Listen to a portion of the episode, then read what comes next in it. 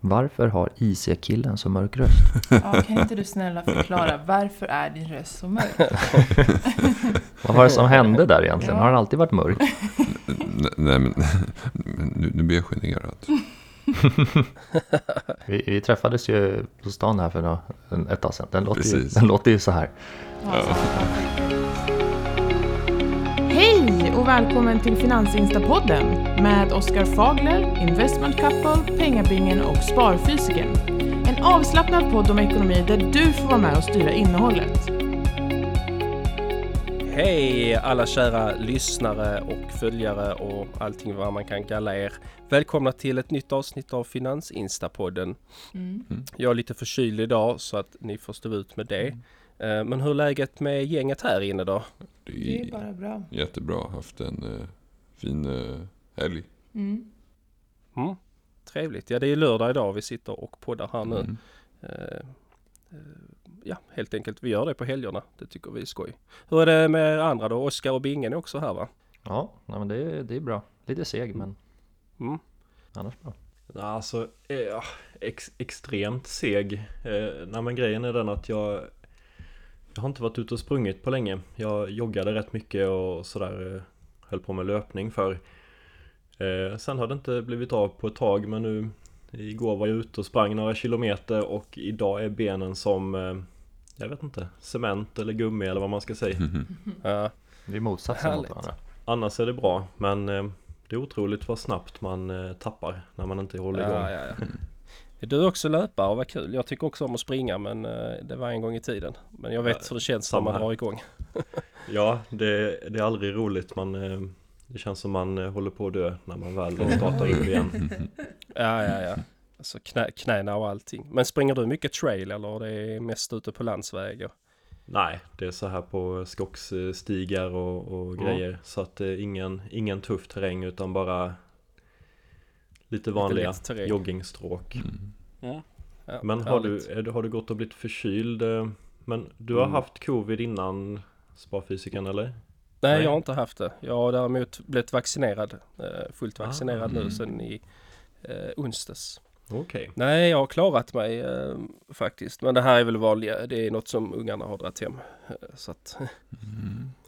en vanlig förkylning.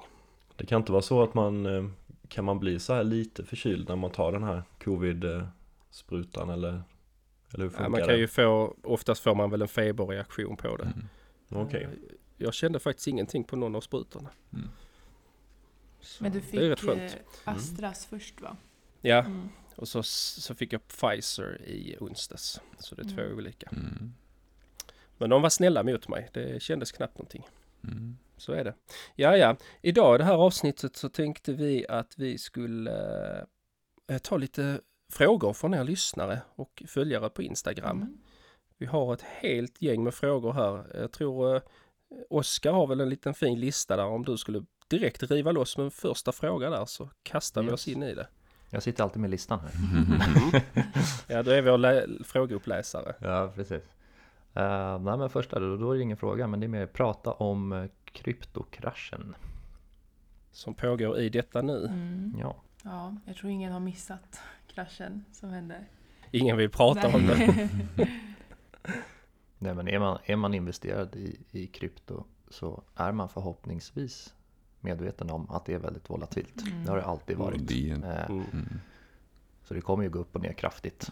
Det, Så är det det är inget nytillkommet det här med att det egentligen nu handlar om politik och olika Twitterinlägg som kan ha legat till grund för att eh, kryptovalutor har fått sig en törn senaste veckan eller två. Eh, det, är, Precis. det är mycket liksom politik, framförallt från Kina. Eh, Mm. där, man, där man vill så att säga komma åt kryptomining och, Mm. och vill reglera det på ett helt annat sätt. Och sen så har det förekommit Mm. en hel del tweetar från. Elon Musk. Ja.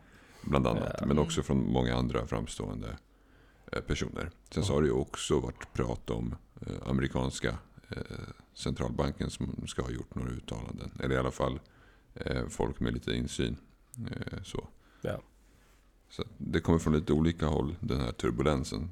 Om man vill kalla det så. Mm. Mm. Och, och vissa är ju, hävdar ju totalt att det här är precis som det var för tre fyra år sedan. Det här ska ner igen. Det förbjöds av Kina då också. Nu kommer det bli jätteilla. Medan andra bara hävdar att det här blåser över. Vi har två läger och liksom, eh, det är som sagt precis som Oskar nämnde att ska man investera i kryptovalutor så är man beredd på att det är extremt volatilt. Och Mm, mm. att värdet kan halveras på bara några dagar, det har vi ju sett nu. Mm. Vi brukar väl Precis. säga det när det gäller aktier att eh, man får vara beredd på en nedgång på 50% kanske var tionde år eller så. Men här när det gäller krypto så det verkar som det kan smälla till och så halveras det på några dagar och sen är det tillbaka på toppnivåerna igen. Så Mm.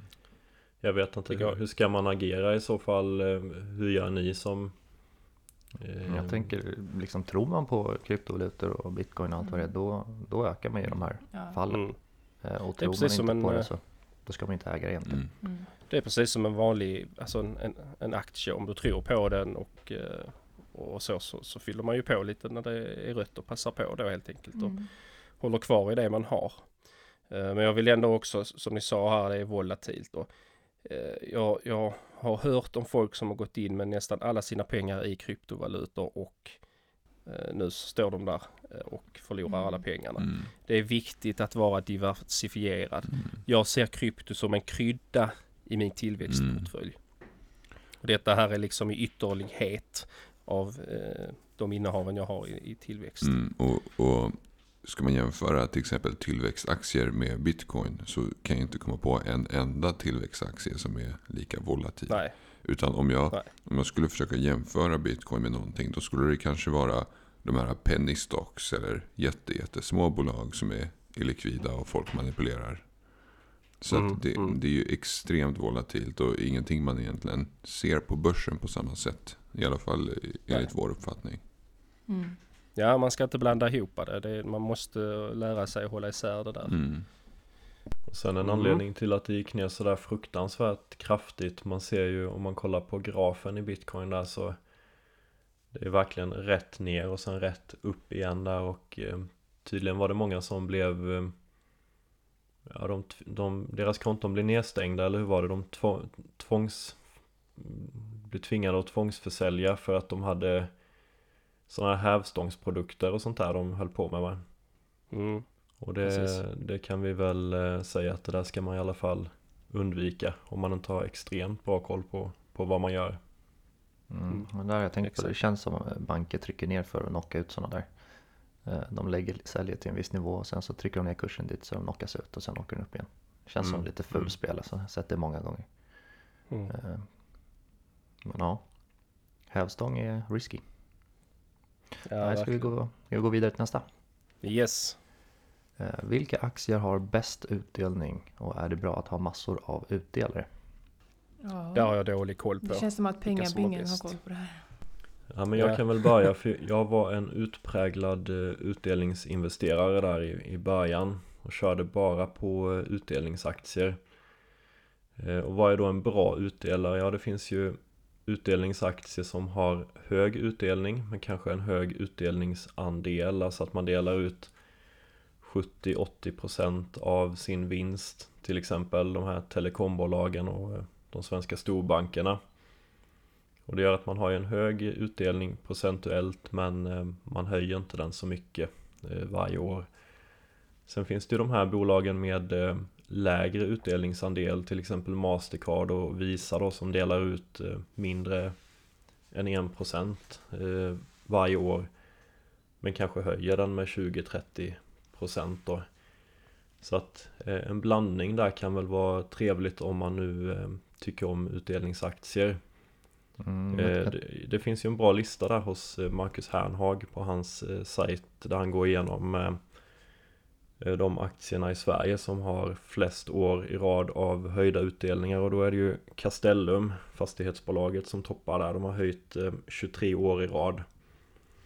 Så det är alltså genom IT-kraschen, eh, finanskrisen 08 och även då coronakraschen förra året så har de fortsatt att höja utdelningen. Så att det, det är ju en trygghet får man säga.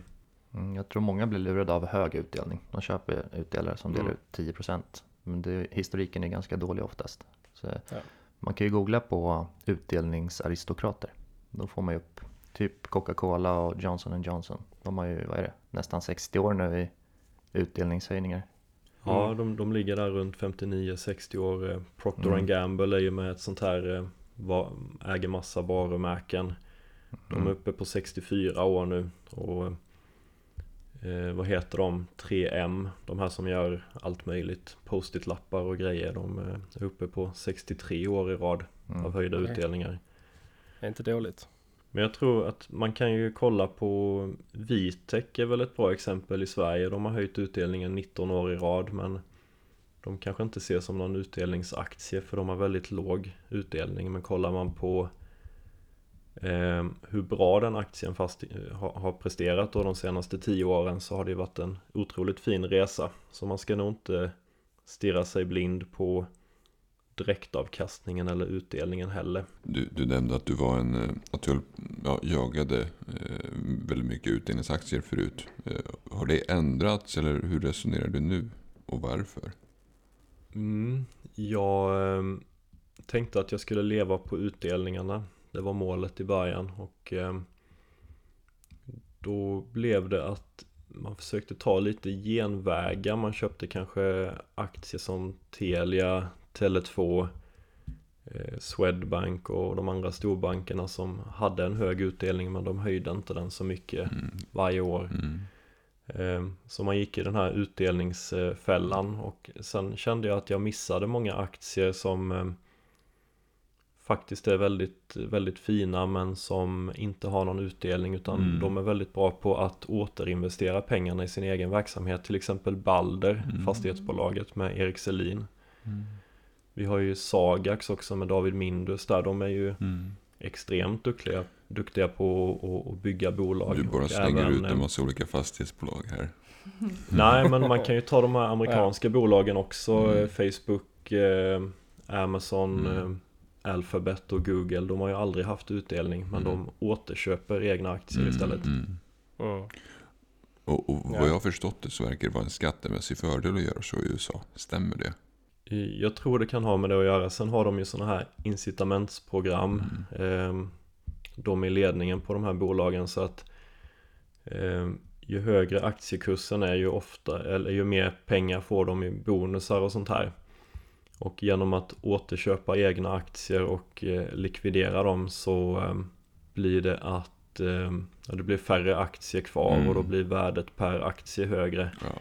Så istället för att dela ut pengarna så, så gör de så istället och då blir det kanske en bättre kursresa Mm. men ingen utdelning då. Mm. Ja, Vi fick ett bra svar där från Bingen som vanligt när du kommer med svar. Ja, långt i alla fall. mm. Ja, ja, men man, får, man får nästan sätta stopp för den. Ja, Ja, sådär. vi får en käpp Trycka och på bara sätta i hans hjul liksom. Det får bli ett eget avsnitt, det Ja, svaret. precis. Ett Ja. eget avsnitt med pengabingen bara. Mm. Jag tänkte innan vi fortsätter så eh, presenterar vi eh, avsnittets sponsor som är Novo, Novonomics. Ehm, och Novo är i all sin enkelhet en app som hjälper dig att spara pengar Mm. till pensionen. Och att spara pengar till pensionen kan kännas både avlägset och kanske lite jobbigt. Och speciellt om man känner att det är lite främmande med investeringar och inte riktigt vet hur man ska göra för att komma igång. Och vill man då inte sätta sig in i hur det fungerar med investeringar så kan det då vara skönt att låta någon annan sköta den biten åt en. Och det är detta som är lite tanken med Novo, att man då ska få möjligheten att spara till sin pension utan att det ska vara besvärligt eller omständigt på något sätt. Så Novo hjälper ju då en att komma igång med att spara till sin pension då genom ett flertal smarta funktioner i appen som Oskar ska få prata lite om strax. Men eh, Mm. när man har laddat ner appen Novo och eh, ansluter sig så öppnar man faktiskt ett fondkonto hos dem. Och eh, med hjälp av BankID då så, så har, man, har man skapat det. Och pengarna som man sparar i appen förs automatiskt över till ens personliga fondkonto i Novo Fund. Och den här fonden som de har den bygger då på ett etiskt och långsiktigt sparande och genom aktiv förvaltning så ska dina pengar då växa på ett ansvarsfullt sätt över tid. Och eh, jag får ändå tillägga här som eh, alla investeringar så är ju historisk avkastning, ingen garanti för framtida avkastningar. Och de pengar som man placerar i Novo Fond kan både öka i värde och minska i värde. Och det är inte säkert att man får tillbaka hela det insatta kapitalet. Ehm, Så Mm. jag tänkte att Oskar, du kan väl berätta lite om vilka funktioner som finns för att spara pengar i appen? Mm, jag tänkte nämna fyra stycken här då. Mm. Eh, Och den första är butiker. Eh, när du handlar online kan du gå via Novo.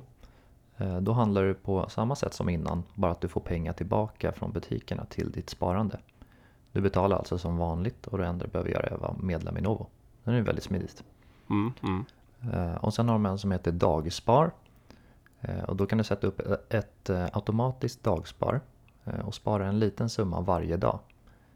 Du väljer själv hur mycket du tycker är rimligt och beloppet dras från ditt kort i Novo-appen.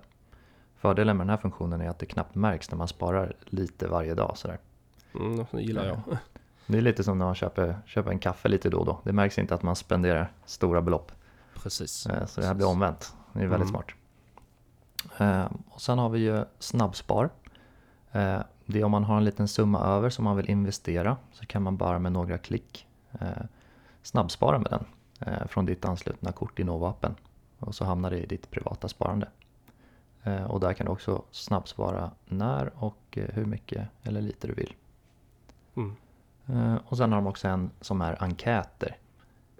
Och i appen då kan man svara på enkäter och få ersättning. Och då blir du belönad med pengar till ditt privata sparande. Mm. Rakt in i fonden där. Ja precis, allt här åker in i fonden så det är riktigt grymt. Mm. Ja, man behöver ju i stort sett bara appen för att fondspara då helt enkelt. Det är liksom Mm. smidigt, smidigt och lätt och man får en chans att spara till pensionen helt enkelt. Ja, det, det är bara små grejer. När man köper något får man lite tillbaka. Du Mm. kan spara, spara lite, lite varje dag bara. Svara på Mm. lite enkäter då och då. Så alla de här små, små bitarna blir ju stort i slutändan. Många bäckar små-principen. Ja, ja, det var lite om Novo då, men eh, vi fortsätter frågerundan här nu då. Eh, Mm. Oskar hade lite fler frågor så, så kör på. Ehm, vi hoppar vidare. Ja. Eh, hur många procent av portföljen ska man ha i värde eller tillväxt? Kanske ska börja prata vad är värde, vad är tillväxt? Mm. Aktier då alltså, syftar han på. Värde är väl ett, ett bolag som är relativt lågt värderat. Men som inte väntas växa så jättemycket i kommande åren. Och tillväxt är oftast lite dyrare på värderingen. Men att de kommer växa in i det över tid. Mm. Så kan man väl förklara det. Mm. Precis. Så vad, vad tycker ni då? Hur mycket? Ja, alltså det, det, det där är ju en typisk smaksak. Vissa tycker ju om att ha allting i värde och eh, så. Och sen så vill de som tycker om att investera mycket i tillväxt. Så att ha någon siffra sådär. Jag själv siktar väl någonstans kring att ha 20% i tillväxt och sen resten i värde. Mm. Det är ju också, tillväxt är oftast lite högre risk. Man kanske vill Ja. hålla dem flera år. Medan värde kanske är mer stabilt. Och har man mycket pengar som man bara vill behålla värdet på eller inte lägga för mycket risk, då, då är värde ganska bra. Mm. Mm. Eh, De flesta kör väl en mix kan jag tänka mig. Ja. Exakt. Vi kör ju Exakt. mest i tillväxt, men eh, vi känner ändå att vi vill ha något brett att falla tillbaka på. Typ investmentbolag via en fond, fondrobot och så vidare. Ehm, och detta är ju en högre risk än vad många portföljer innehåller, men det är ju det vi är bekväma med. Ja, så att, att, Mm. att ha större delen i tillväxt är vi liksom bekväma med. Mm. Men med det sagt så beror det ju, precis som ni säger, på risken man är beredd att ta samt sparhorisonten. Mm. Men kanske också på ehm, Kanske också på eh, Vad ska man kalla det? Eh, Egentligen hur gammal man är tänker jag. Jag menar om, om vi var eh, äldre kanske och hade kapital som vi ville bevara. Mm. eh, Så hade vi kanske tänkt lite mer åt värdehållet eller till och med utdelningsaktierhållet. Så att det, Jag beror, tänker samma sak. det beror lite på vart i livet vi befinner oss. Vem vet, vi kanske bara har en Mm. massa utdelningsaktier om 30 år. Mm. Det, det beror på, vi får se. Mm. Då kanske era tillväxtbolag har blivit utdelningsaktier. Ja, förhoppningsvis. Så det är mycket möjligt. Ja. Jag tänkte på det där att jag tycker det är svårt att dra gränsen. Vad är värde och vad är tillväxt? För kollar man på eh, Facebook till exempel så har de ett Kollar man på nästa års estimat så är P talet nere på 21. Och det är ändå ett bolag som växer ganska bra. Eh, jämför man då med Axfood som är ett typiskt eh, värdebolag eh, så har det ju högre P tal än så. Så att eh, det, det, är svårt att dra gränsen. Vad är tillväxt och vad är värde? Och sen finns det väl mm. de som är en, en, blandning någonstans däremellan. Men det får bli en växtaktie helt enkelt. Ja, mm. har lite av varje kanske. Ja, mm. ja det är lite flytande den där, den där gränsen, helt klart. Mm. Och sen är som jag sa 2080 där liksom, det är, den gränsen är också flytande. Ibland har man kanske lite mer tillväxt och vill gå in och ibland drar man ner på det. Och bolag tillkommer och man kanske tar bort och säljer någonting och så på vägen och sen så, så, så ändras det. Så vi tar nästa fråga. Mm. mm. Yes. Mm. Tycker ni det är värt för nybörjare att investera i Tesla? Där kom Tesla igen. Alltså, alltså vi kan väl först lägga in, lägga in en liten disclaimer att allt mm. vi säger här det är ju absolut, det är såklart inga köpråd eller rekommendationer på något sätt utan alla måste ju göra sina egna mm. lilla analyser och man kan ju förlora sina pengar när man går in på börsen. Mm. Jag tycker att det här är en svår fråga. För man svår kan fråga. inte, alltså man vet ju inte vad den personen mm. har för ekonomi, alltså hur om, länge den ska investera. Om du har 300 000 precis ska börja ja. och, och vill ha en portfölj med tillväxtaktier eh, och är beredd att ta lite högre risk, absolut. Liksom. Mm. Det är mm. inget konstigt att investera mm. i, ett, i, ett, i ett stort tillväxtbolag. Mm. Däremot, om de där 5000 kronorna är de enda pengarna du har och ska investera, då är det inte jättesmart att bara gå in i ett företag, alltså mm. i Tesla. Mm. Då kanske man kan liksom tänka att jag vill bygga upp en portfölj, en ordentlig väldiversifierad portfölj mm. med mina 5-10 000. Och sen så kan jag börja blicka, hur vill jag göra mm. vidare? Mm. Mm. Och sen så tänker jag också att Tesla är ju ett tillväxtbolag som sagt och det brukar ju då vara volatilt och det kanske inte är så smart som nybörjare att välja de bolagen för då får man ju Nej. lätt panik när det rasar och svänger och rusar och allt vad det gör. Det kanske är smartare att börja med fonder och investmentbolag som är lite mer stabila. Precis. Mm.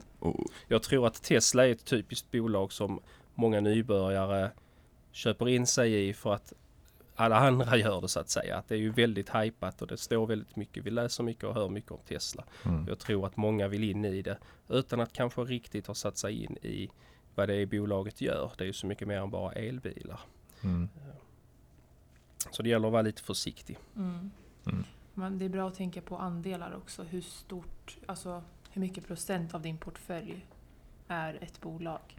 Och så får man tänka mm, lite precis. så, kanske en tumregel att hålla sig till max 5% liksom, i ett bolag.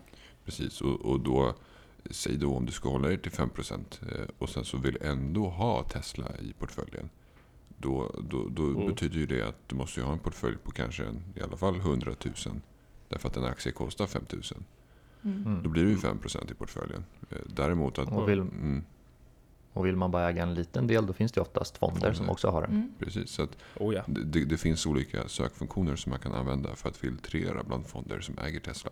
Och faktum mm. är att om du investerar i en bred indexfond, eh, till exempel amerikanska S&P 500, så brukar ju Tesla ingå. Därför att Tesla är med i SP 500 och utgör en procent eller sådär. Mm. Mm. Ja, helt enkelt. Ja. Man, får, man får tänka lite själv där. Det finns inget rätt eller fel svar. Mm. mm. Nej, så är det ju. Så är det. Okej, okay, vi ja. hoppar vidare. Let's go. Det här har jag också undrat. Varför har IC-killen så mörk röst? Ja, kan inte du snälla förklara, varför är din röst så mörk? Vad var det som hände där egentligen? Ja. Har han alltid varit mörk? Nej, men nu, nu blir jag generad. vi, vi, träffades ju på stan här för ett tag sedan. Den låter, ju, den låter ju så här. Alltså, han, han fejkar inte det alltså? nej, nej det, det, det är sant. Jag blev tvungen att träffa honom. Bordet skakar när herr IC pratar. Jag, jag vet inte vad jag kan göra åt det, men, men jag vet att jag hade en kille eh, som gick med i eh, skolan. Och han sjunger ju mycket. Han är med i kör och allting. Mm. Och, och det första han sa när han träffade mig typ var Eh, eller när han öppnade upp sig lite grann. Det var att han är så jävla avundsjuk på min röst. Mm. För att den skulle vara en bra bas. Mm. Han sa att de bara har bra tenorröster. Mm. Men ingen riktigt mm. ordentlig bas i kören. Så han ville få med Men det här är på riktigt. Han ville få med mig i kören. Och jag är komplett tondöv egentligen. Så det, det, det hade varit lite roligt. Jag kommer ihåg att jag lyssnade på vårt första poddavsnitt i bilen. Eh, Mm. Och då hade jag liksom, ja, spelade den på högtalaren liksom. Och sen så när du började prata då, då höll ju baslådan på att sprängas. Så man fick ju sänka, sänka volymen liksom.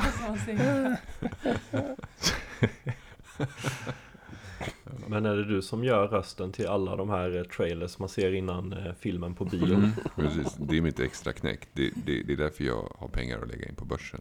Just det. Ja. Alla Hollywoodfilmer. Jaha. Ja, Ja, det var en rolig fråga. Mm, ja, du, du fick två frågor, det var också en till här. Är det bara jag som somnar när Isekillen pratar? Ska, vi, ska vi börja köra att jag drar godnattsagor när vi är färdiga? Ja, det blir bra. Ja, ja, ja. Kan man somna efter podden? Vi kanske ska börja släppa avsnitt klockan 22 på vardagar. Mm. Ja, Det värsta är ju om de somnar under podden. Du kanske borde prata mindre i sig. Nej, du kan ju spela in ljudböcker som är sådana här äh, man lyssnar på när man ska sova. Mm, och så bara mullrar det. Ja, så lägg dig ner och slut ögonen. Sov, det är en order. Ja, ja. Du, du kan ju se det på två sätt i och för sig. Det kan vara, du kan prata så tråkigt att de somnar, eller så är din röst så bra att de somnar. Så du får Ja, ju, precis. du får ju liksom välja där lite hur du vill Ja, ta, ta den där frågan. Så är det. Det är, ja, Ja, nej, vi Ja, ja. hoppar vidare. ja. Hur ser ni på vinsthemtagningar i aktier? Där tänker jag, har den gått upp orimligt mycket på liksom ingen, på inga nyheter egentligen, då, då kanske man bör sälja den.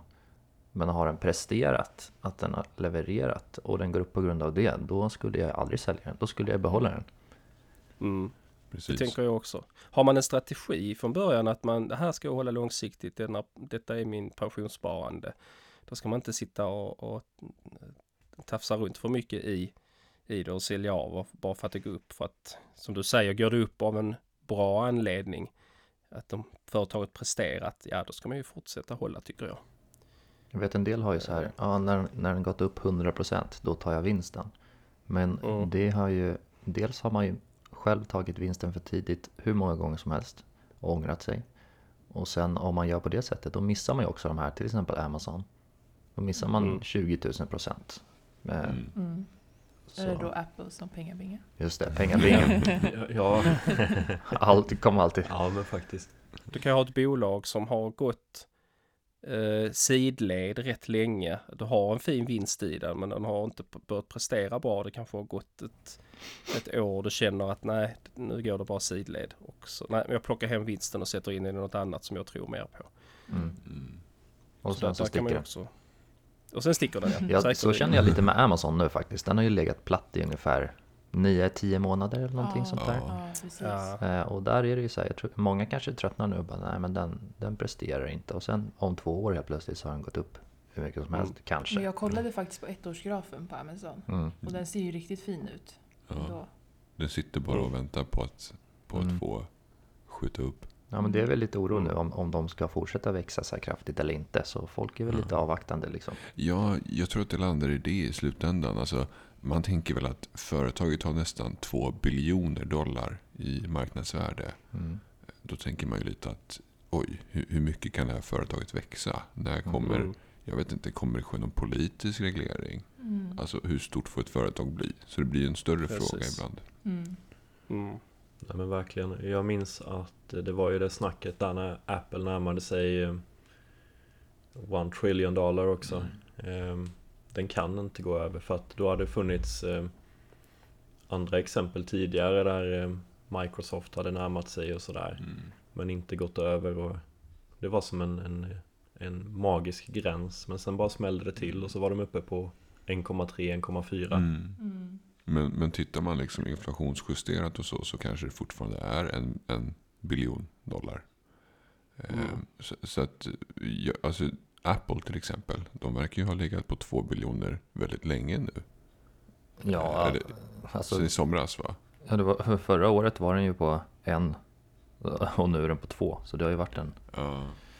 Men den har ju också gått lite sidled sen i somras. Eh, som Amazon. Mm, det kanske den har, jo men det stämmer nog. Eh, så att, eh, Och där också. ja, jag, jag tror att i de företagen så är det mycket en fråga om hur stora kan de bli. Mm. Eh, För tittar man bara krasst på siffrorna så är de helt galna. Och förutsätter man att företag kan växa i oändlighet och det inte finns något tak. Då är Amazon och Apple alltså, det är jättefina siffror. Mm. Mm. Ehm, Så att, eh, ja, det, det finns nog flera, flera liksom aspekter att ta hänsyn till vad gäller de bolagen. Ja, men verkligen. Jag tänkte på det här med vinsthemtagningar också. Jag har ju gjort den missen, eh, ja, som ni var inne på med Apple där bland annat. Mhm. Men, eh, men det var ingen vinsthemtagning för där låg jag ju faktiskt back. Men jag har gjort andra missar med eh, Latour till exempel. Där jag har sålt för att jag tyckte att premien har varit för hög. Och sen har den bara fortsatt att, att gå upp egentligen. Så att jag har ju sålt Latour, jag tror det är vid två tillfällen. Och sen har den fortsatt att bara gå och gå. Så att eh, nu har jag bestämt mig för att jag kommer aldrig sälja mina aktier i Latour utan de får bara tugga på. För att det underliggande bolaget går väldigt bra. Mm. Sen hur värderingen ser ut för stunden, jag kan ändå inte tajma det. Eh, Så att jag, jag borde inte ens försöka utan det får bara fortsätta löpa på. Likadant med Nibe som jag köpte för många år sedan. Som hade en ganska hög värdering redan då. Men nu är, nu är den upp Mm. 400% och visst kollar man på värderingen nu då blir man ju lite rädd men eh, jag har bestämt mig där också för att jag kommer bara fortsätta att behålla det bolaget. Mm. Det fanns ju en artikel där om Kristel, eh, Nibes IR-chef Ja, just det. som eh, hade jobbat där sedan var det 60-70-talet och haft aktier sedan dess och de var ju värda över en miljard nu. Så man ser ju, det är ett extremt exempel men man ser ju hur det kan gå om man bara sitter på händerna egentligen. Mm. Mm. Ehm, En till grej innan vi går vidare till nästa fråga var att eh, häromdagen, igår, så fick vi reda på att eh, det här med fribeloppet för alla studenter verkar eh, planera att slopas igen resten av året. Mm. Mm. Det kan vara en kul grej att informera om därför att fribeloppet, för er som inte känner till det, det är en gräns för hur mycket man kan tjäna som studerande utan att eh, eller att att få CSN ändå. Eh, och då har det funnits ett tak på ungefär 14-15 000 kronor i månaden för att kunna behålla helt CSN. Eh, För många har det blivit ett problem för de som väljer att jobba över lov och somrar och sådär. Eh, Och kanske hoppar in på kvällar och helger eh, annars. Mm. Så att eh, nu under pandemin så har man sett att för att avlasta mycket av olika eh, sektorer och framförallt vården och så, så har man ju gjort som så att man har slopat fribeloppet och sagt att studenter får jobba hur mycket som helst utan att förlora sin, sitt CSN-ersättning. Mm. Så att det verkar ju kommit ett förslag nu och eh, ja, det har kommit så här eh, alla de senaste halvåren också som förslag och sen så har det klubbats igenom precis när terminerna satt igång.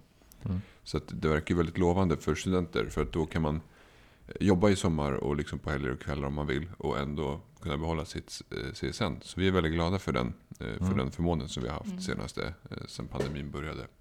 Och då har man ju kunnat liksom hoppa in och avlasta i vården också och det har känts bra också. Det känns bra Mm. i magen att kunna bidra med någonting. Mm. Mm. Och så kommer du kunna shoppa loss på börsen också. Ja, just det. Precis. Ja, det var en liten avstickare men det är kul ju. Grattis Mm. till alla studenter. Ja. Eh, bara till att passa på att utnyttja det här nu så att eh, den chansen finns. Mm. Mm. Och, och som sagt, avlasta om ni kan. Om ni jobbar inom, Mm. inom olika eh, sektorer där det behövs eh, personal. Till exempel vården där, som, där det verkligen är ett skriande behov nu på senare tid. Mm. Så är det väl jättebra om man är ung och frisk och klarar av att hjälpa till. Så att det är något vi Absolut. absolut slår ett slag för.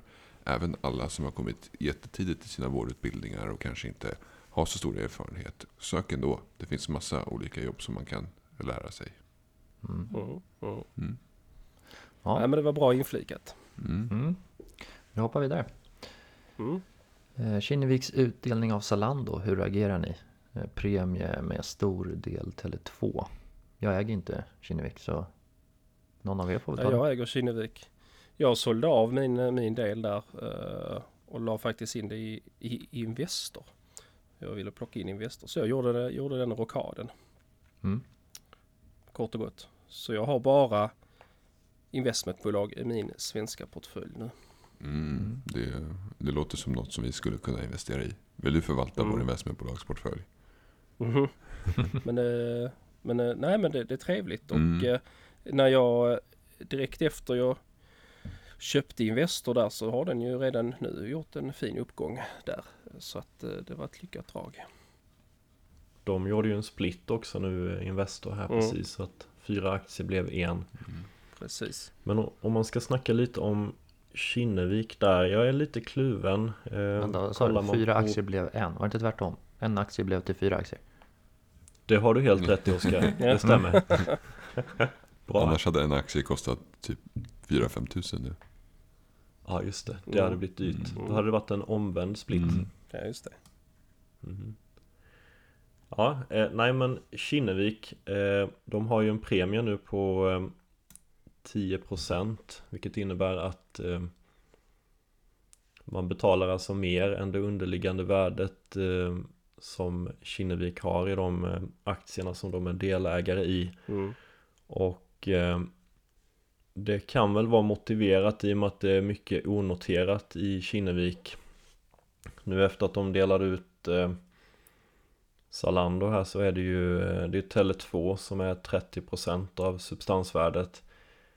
Där är frågan också vad kommer de göra med Tele2? För de har ju en eh, strategi nu att de ska satsa mer på eh, komma in tidigt i onoterade bolag och det verkar de ju vara duktiga på. Mm. Så vi får väl se vad som händer med Tele2 framöver men jag, jag gillar den nya strategin. Samtidigt kollar man på värderingen så är det ju 20% dyrare än eh, treårssnittet där om man kollar på substansvärdet. Så att eh, billigt är det ju inte Utan man får tro på deras strategi i så fall. Och eh, Förutom eh, Tele2 där så är de största innehaven eh, Global Fashion Group Eh, sen är det väl Teladoc och Ja. Village eh, MD som är, jobbar inom primärvård. Mm. Precis. Men de, de satsar mycket på digitalisering så det ligger ju helt rätt i, i tiden. Mm. Mm. Men det är väl så mycket annat där. Eh, värderingen är inte billig nu men man får tro på att eh, deras eh, nya strategi här bär frukt. Mm. Nej men det var väl ett bra svar. Vi hoppar vidare. Mm. Varför går en aktie upp eller ner? Oj. Ja, Ja, det finns många anledningar. ja precis. I Därför att Oskar det ju... köper det. Om Tesla går ner så betyder det att Oscar har sålt allt. Just det. Så det. Ja. Det kan vara att Elon Musk har twittrat eller så Ja. skriver de om den på Reddit. Ja. Mm. Ja. Nej, om vi-. Om vi tar de stora grej om vi tar de stora grejerna som brukar, eller de vanligaste, det är ju till exempel om det släpps en rapport som inte möter förväntningarna. Mm. Då kan ju aktien gå ner. Eh, om det händer någonting drastiskt i, i eh, ett bolag, en skandal till exempel, kanske en Mm. VD som blir avsatt eller någonting, eh, Mm. missade ordrar. Insiderhandel. Att folk Ja. med insyn köper och säljer. Sen så är det ju det som främst styr om en aktie går upp eller ner. Det är ju marknaden. Alltså hur Mm. marknaden generellt rör sig. Mm. Precis. Så att från dag till dag så kommer ju de flesta aktier följa index så att säga. mm. Eh, Och sen så till, till vissa kommer följa mer och andra mindre av olika anledningar. Men i det stora hela så är storbolagsindex ner så brukar ju allt annat vara ner också generellt. Ehm, Mm. Och specifikt då mindre aktier, de brukar ju åka på ännu mer stryk när storbolagen åker på stryk. Så att Precis. generellt, det som mest brukar förklara aktiers upp och nedgång, det är marknadssentimentet just den dagen. Mm. Hur det ser ut liksom. Mm. Och sen när man lägger sin order då är det ju utbud och efterfrågan där som spelar roll. Eh, Så Ja. finns det många som vill köpa aktien och väldigt få som vill sälja då kommer den, då kommer den sticka uppåt. Mm. Mm. Eh, Och är det många som vill sälja men väldigt få som vill köpa då kommer den gå neråt. Mm. Så att man kan tänka sig att man står på en marknad och så budar man helt enkelt. Mm. Det, det är så det ser ut egentligen. Mm. Ja, nej, men det var bra förklarat faktiskt. Mm. Mm. Men nästa fråga då. Nämn en aktie var som favoritaktie i portföljen. Och Oskar, du får inte välja Tesla. Ja, elakt. Jag ska... Vad spännande. Kan inte du börja då Oskar? Ja, okej. Men, men ska vi bredda så här och säga en tillväxtaktie och en värdeaktie? Ja, men så kan vi göra. Mm. Det låter väl bra. Oskar börjar där. Mm. Ja, jag gillar ju Amazon där. Eh, Mm. Alphabet gillar jag också. Eh, Mm. Så det är svårt mellan de två där. Men Mm. Amazon gillar jag nog lite mer just för att de är så breda.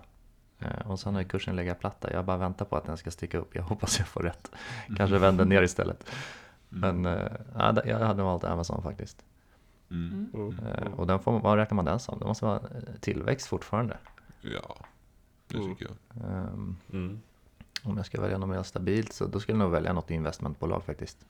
Mm. Typ Investor. Mm. Eh, Den skulle vara trygg med. Mm. Pengabingen då? Eh, nej men eh, jag brukar alltid säga Investor så jag kan väl välja något annat då som eh, så, Som värdeaktie eller vad man ska säga denna gången eh, Jag har börjat eh, tycka om SBB mer och mer Fastighetsbolaget Mm. Man har ju en färgstark VD och grundare där som heter Ilja Batljan som eh, ganska aggressivt eh, köper eh, Köper nya fastigheter helt enkelt och eh, Han eh, ja, men han, han har ju en vision eh, att, att bygga ett riktigt stort fastighetsbolag Och då är det ju samhällsfastigheter främst som de satsar på alltså eh, offentliga byggnader, det kan vara polishus, brandstationer och sånt här med väldigt långa kontrakt. Så att jag tycker det känns ganska säkert. Oavsett hur eh, konjunkturen går så kommer de fortfarande att få in hyrorna. Jag tänkte på det Mm, på därifrån. SBB, jag äger också den. Eh, Men eh, den är väl enormt mycket blankad också. Och jag har aldrig fattat varför. Ja, inte jag heller. Jag tror att den har en blankningsgrad Nej. på kring 4-5% eller något sånt där. Oj. Ja. Ja, det är nog den mest blankade Mm. aktien tror jag på Stockholmsbörsen. Så varför tror de på nedgång där? Jag fattar inte det. Ja, jag vet inte heller riktigt. Men så har det varit med Latour innan också. Eh, som alltid har haft en hög värdering i och för sig men Mm. Ja, jag vet inte. Är det någon, eh, någon lyssnare som vet så får ni gärna höra av er varför eh, SBB är så blankad. Sen, sen gillar jag där också att eh, Ilja Batljan han har sagt att de kommer aldrig någonsin sänka utdelningen och han kommer aldrig någonsin sälja en aktie i SBB. Så att, Ja, sånt ja. där gillar jag. Ja, det är bra. Raka puckar. Ja. Ja. Eh, eh, vad gäller blankning, bara för att snabbt recappa det. Blankning innebär att man bettar eh, att en aktie ska gå ner. Det vill säga Mm. att du tror att en aktie är övervärderad, den ska ner och då kan du blanka den. Det är ett lite komplext förfarande men handlar egentligen nu om att man köper en aktie, lånar ut den i förhoppning om att kunna köpa tillbaka den billigare i framtiden.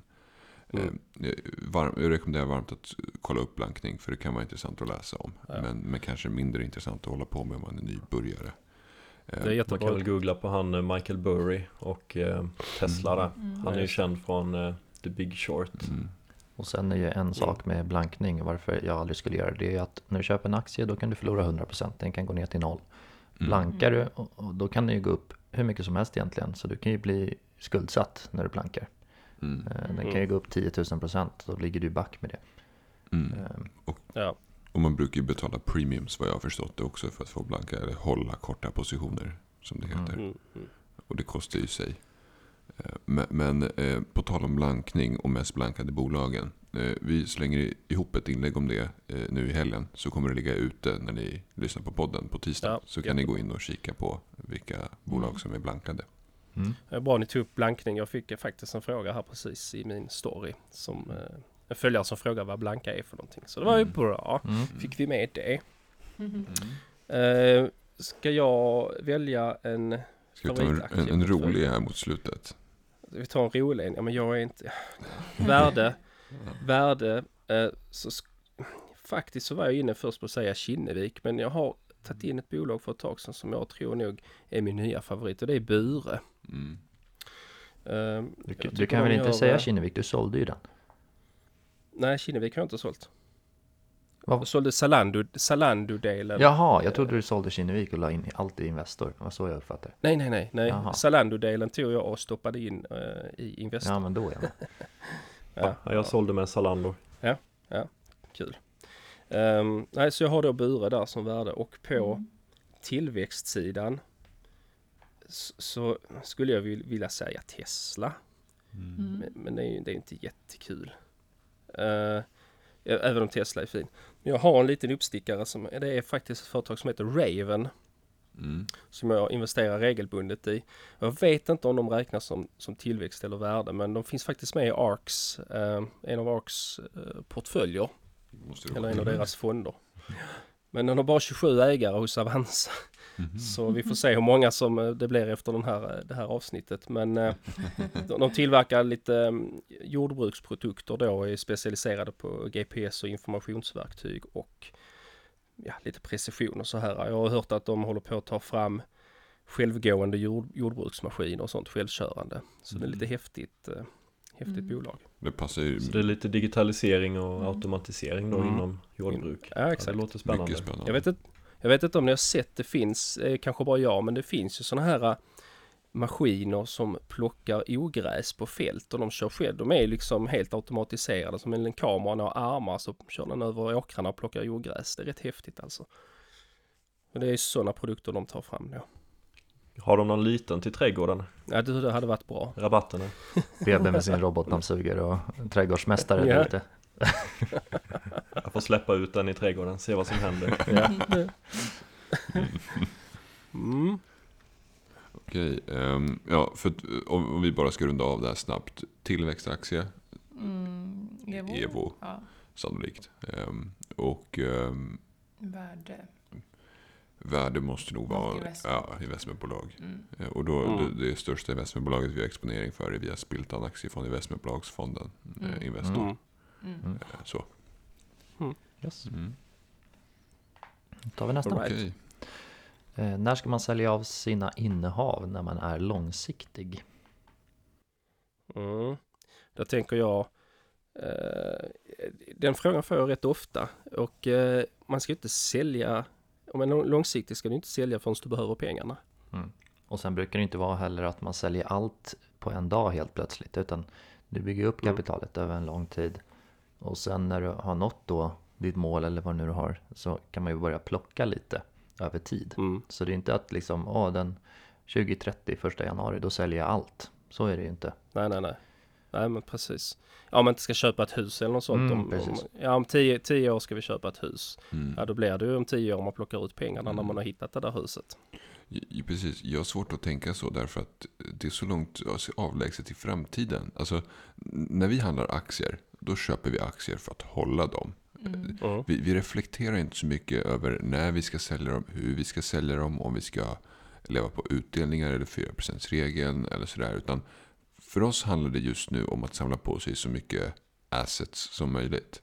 Mm. Eh. Och sen så får det ligga och jäsa. Och sen så i framtiden, eh, då vet vi ju varken hur, hur, om det ens kommer finnas ISK kvar eller hur skattesystemet kommer se ut eller om, om bolag ens kommer fortsätta med utdelningar. Eller, Mm. det finns så mycket som kan Exakt. ändras på 20 år när vi planerar att sälja kanske. Så att vi har svårt att idag planera exakt hur det här kommer se ut. Mm. Ehm, Mm. Alltså om vi hade planerat nu att sälja om 3, 4, 5 år. Då kanske vi hade behövt ha en konkret plan kring det. Eh, Men då skulle det förutsätta att vi har väldigt, väldigt mycket pengar på börsen och vill börja leva eh, på, våra, på vårt kapital så att säga. Men vi har inga tankar eller planer på det. Så Mm. att för oss är det mer så här. Vi köper, vi håller och så får vi utvärdera i framtiden. Mm. Mm, ja men det låter rimligt. Jag tror vi alla här är ganska långsiktiga Ja. i våra investeringar. Och eh, jag tror det är Buffett. Vi, som vanligt vi kan säga att det är Buffett. Eh, som har sagt att om du inte är beredd att och, eh, äga en aktie i 10 år så ska du inte äga den i 10 minuter heller. Mm. Utan man ska se långsiktigt på sina investeringar och eh, i alla fall för egen del, alla mina största misstag på börsen har ju varit när jag har sålt för tidigt. Mm, han Så det är nog det, det svåraste att faktiskt bara han, han sa ju behålla. det också. Jag tror det är Buffett. Allt man inte vet säger man är Buffett. Eh, han sa ju... Precis.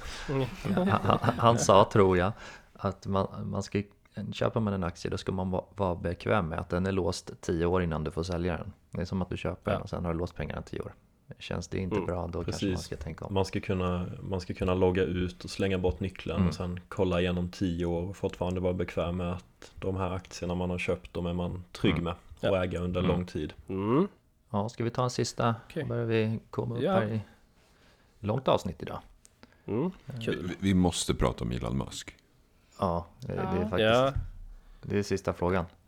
Eh, Alltså, vi har fått otaliga DM på vad tycker ni om hans twittrande? Vad, Mm. vad tror ni kommer hända nu? Tror ni han kommer skriva något nu? Mm. Eh, varför säger han så här? Mm. Vad är era åsikter om Elon Musks twittrande? ja Vad- jag vad- vet inte vad vad jag har. ni? Alltså, han spelar ju ett spel såklart ju. Mm.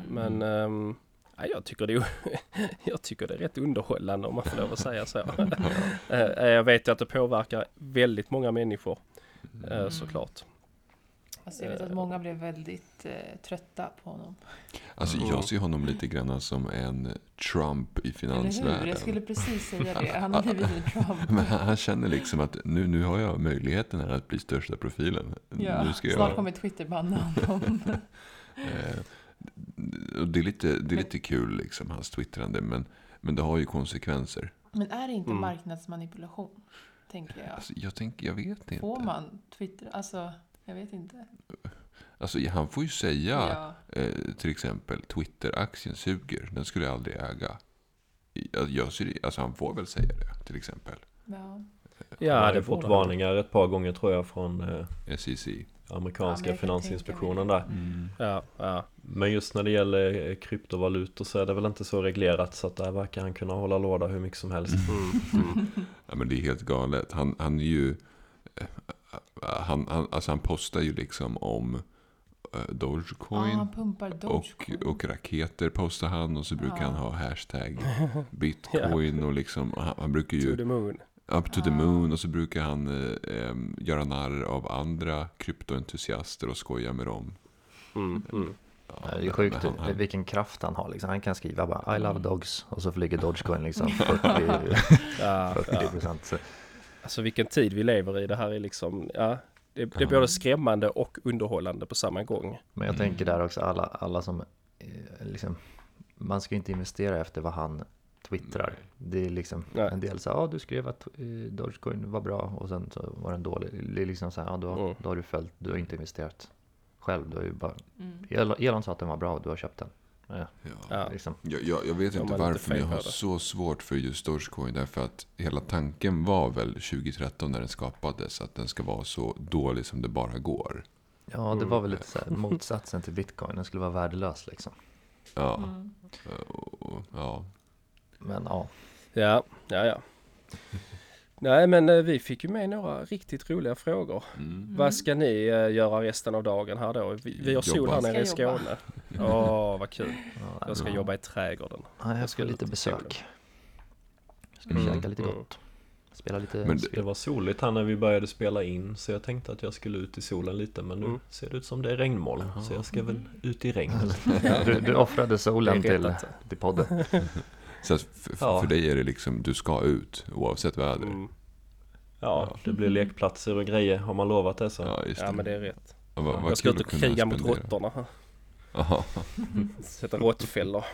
Jag skrev Ja. ju i mitt, eh, jag berättar för er, jag skrev ju i mitt eh, Just flöde det. också. Då eh, råttorna hade gått på ena bilen här hemma och det var inte lönt att laga den för det var så Aj, aj. Aj. Så nu ska de få igen. Och det finns säkert någon djurrättsaktivist där ute som blir arg. Råttor har också rätt att finnas men inte i mina bilar. Så är det med det. Ja, du, du har deklarerat krig mot råttorna. Ja det är så nu faktiskt. Ja. Men, men Hade du en buffert nu då ifall något oförutsett skulle hända, typ råttor? Ja, alltså En råttbuffert. det, det var ju som så att det skulle väl kosta runt en 70, 80, kanske till och med 90 000 att laga det där. Och bilen är inte värd mer än 80, om det ens är det, 75 kanske. Så att det är ju liksom inte, det är ju inget snack om saken. Men har de suttit och mumsat på dina kablar under lång tid? Eller var det bara över en natt så gick de in och mumsade hela inredet? Ja, det är väl under en lång tid och jag har ju inte upptäckt det förrän jag skulle starta bilen och den inte gick att starta. och sen så dök, dök diverse varningslampor upp överallt som en julgran. Och då tittade jag under motorhuven och såg att det var massa skit. Jag förstår inte varför det är så poppis med, eh, med kablar och sladdar. Men eh, Ja, jag ja, vet inte. Så är det. Jag vet inte. Ja, ja, det är trist men vi skulle ändå, vi har ändå funderat på att skaffa ny bil Mm. länge nu. Skaffa katt, trodde jag du skulle säga. Jag har Här- ändå funderat på att skaffa katt. Här är ju katter på, katter på gården redan och de har inte gjort sitt jobb då tydligen. Nej. Mm, ja, det är dåligt. Men eh, ja, det var en liten, en litet sidospår. Mm. Då, Men ni, f- ja, då kanske vi ska dra ihop här då. ja, Ja. ni får ha, ha det bra allihopa. Ja. Så önskar vi er alla en härlig dag. Mm. Vi önskar följarna en eh, trevlig vecka eftersom det postas Mm. på tisdag och vi önskar trevlig helg till varandra. Ja. Ja, Så, så hörs vi igen nästa Yes. vecka. det gör vi. Ha det gott allihopa. Ha det bra. Hej då. Ha det bra.